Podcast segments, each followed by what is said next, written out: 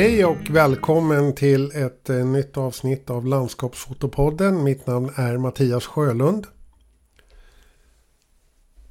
Jag tänkte inte försöka skriva någon på näsan eller sparka in öppna dörrar vad det gäller fotomanipulation. Men eh, dock dela med mig av ett par tankar och reflektioner. Inom foto som art så finns det, om vi generaliserar, två sorters utövare. Å ena sidan har vi puristerna som står för det rena uttrycket. No filter gäller i alla bemärkelser och framförallt kokar det ner till en helt ren och helt omanipulerad bild. Den är ju såklart framkallad och kanske till och med beskuren. Men i övrigt ett till ett direkt ut från kameran. I den andra vågskålen har vi resten. I den här världen existerar inga regler men väl egna moraliska begränsningar av vad vi själva tillåter oss att göra eller inte göra. Och hos vissa är detta mer löst definierat. Hos vissa är graden av frihet större.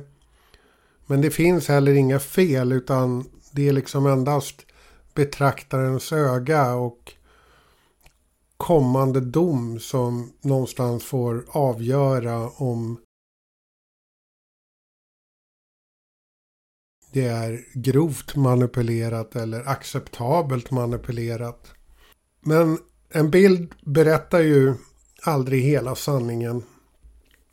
Och om vi väljer att löpa linan fram så finns det genom foto som art dessutom två typer av uttryck det dokumentära och det konstnärliga. Och i det sistnämnda är kameran bara ett media, en teknisk innovation som likt penseln i handen på en målare bistår fotograf fotografen att förmedla sin personliga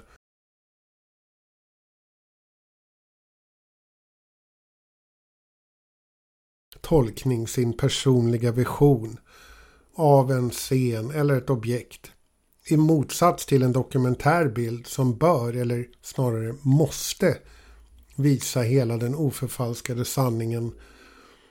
Att detta dock inte alltid efterlevs, det vet vi. Allt sedan fotots barndom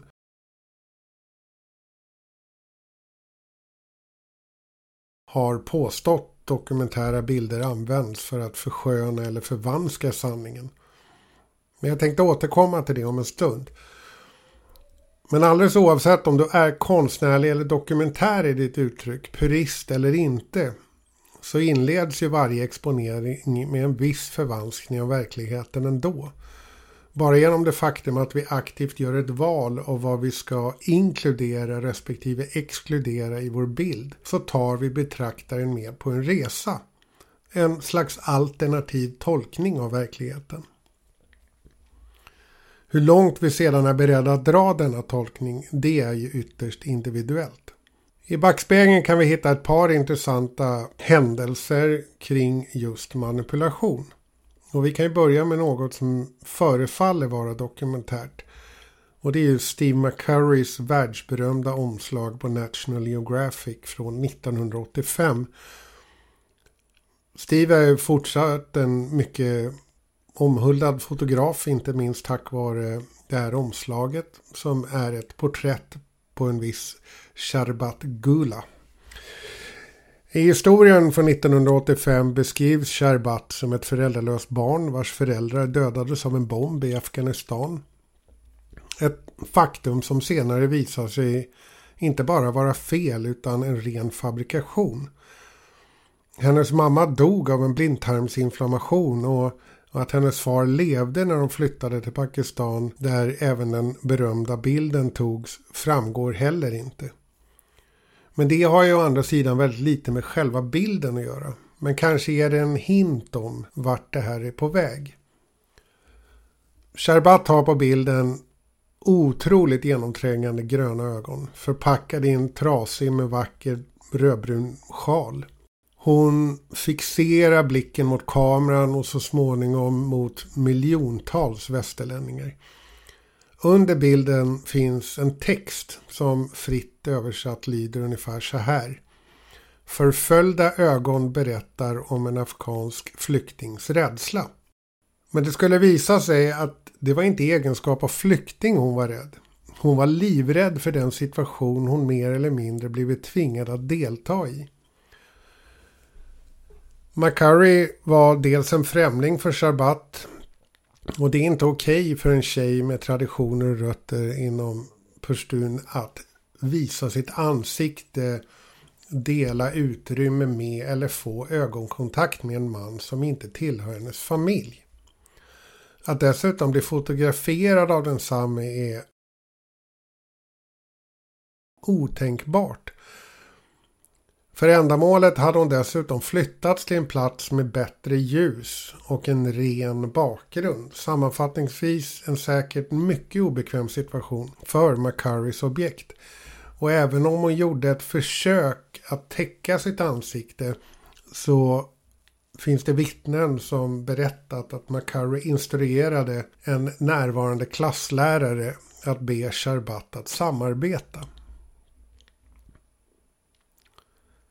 För att ha något mer närbesläktat så av vad jag själv och flera av er som lyssnar på detta gillar landskapsfoto så kan vi kasta ett öga på exempelvis en av världens monetärt mest framgångsrika landskapsfotografer Peter Lick och hans bild som heter Moonlit Dreams. Det erkändes till slut från Licks team att detta var två olika bilder som monterats på varandra en så kallad komposit.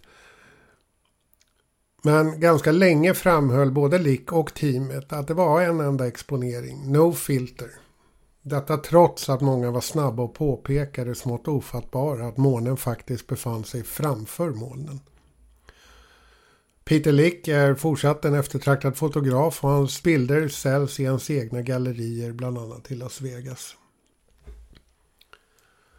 Och det här visar ju verkligen på hur lite betydelse det har för den breda massan vad som har gjorts med en bild. Vad som döljs i en bild och vad som inte berättas. I ett tredje och ett betydligt mer extremt fall så används fotomanipulation som ett politiskt redskap. Det gjordes det bland annat i forna Sovjet men det finns även exempel i nutid. I Sovjet eh, var det inte sällan när mindre önskvärda personer helt plötsligt skrevs bort ur historien. Ett exempel på detta är en klassisk bild föreställande Josef Stalin och en herre vid namn Nikolaj Jesov. Bilden ändrades för att i en senare publicering, i en senare upplaga och vid en tidpunkt då Yusuf fallit i onåd och både arresterats och arkebuserats endast innehålla Stalin.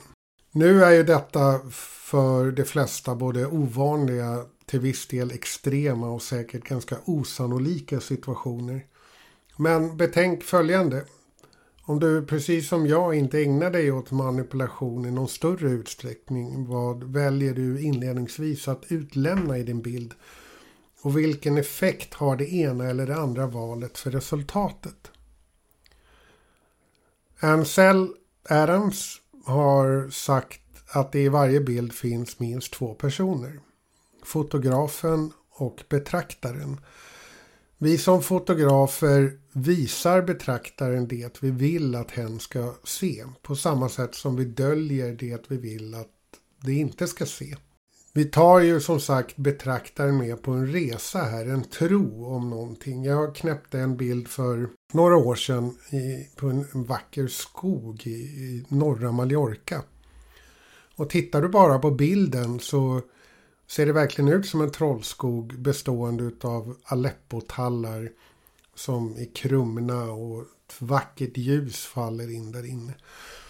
Vad bilden inte avslöjar det är att jag förvisso fotar skogen men bakom mig så är en gångväg och där står en barnvagn med mina två tvillingar.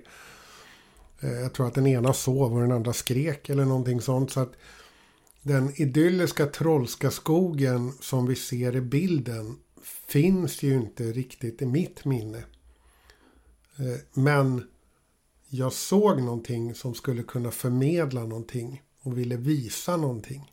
Min egna moraliska kompass brukar stanna vid att jag anser att det är okej okay att ta bort saker, distraktioner, men absolut inte lägga till något som inte fanns där från början.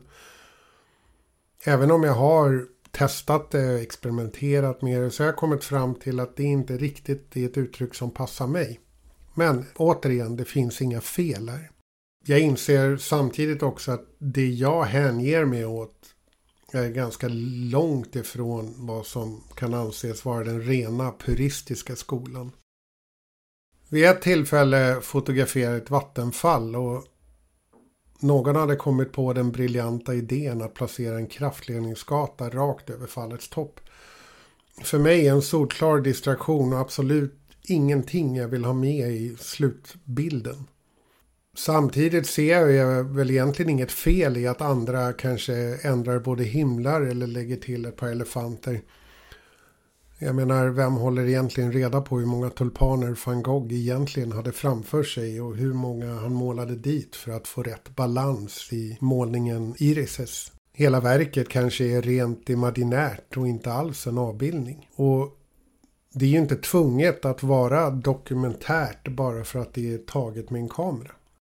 Det är ju så länge det inte är uttalat egentligen dokumentärt konst som vi sysslar med och kameran är blott ett redskap.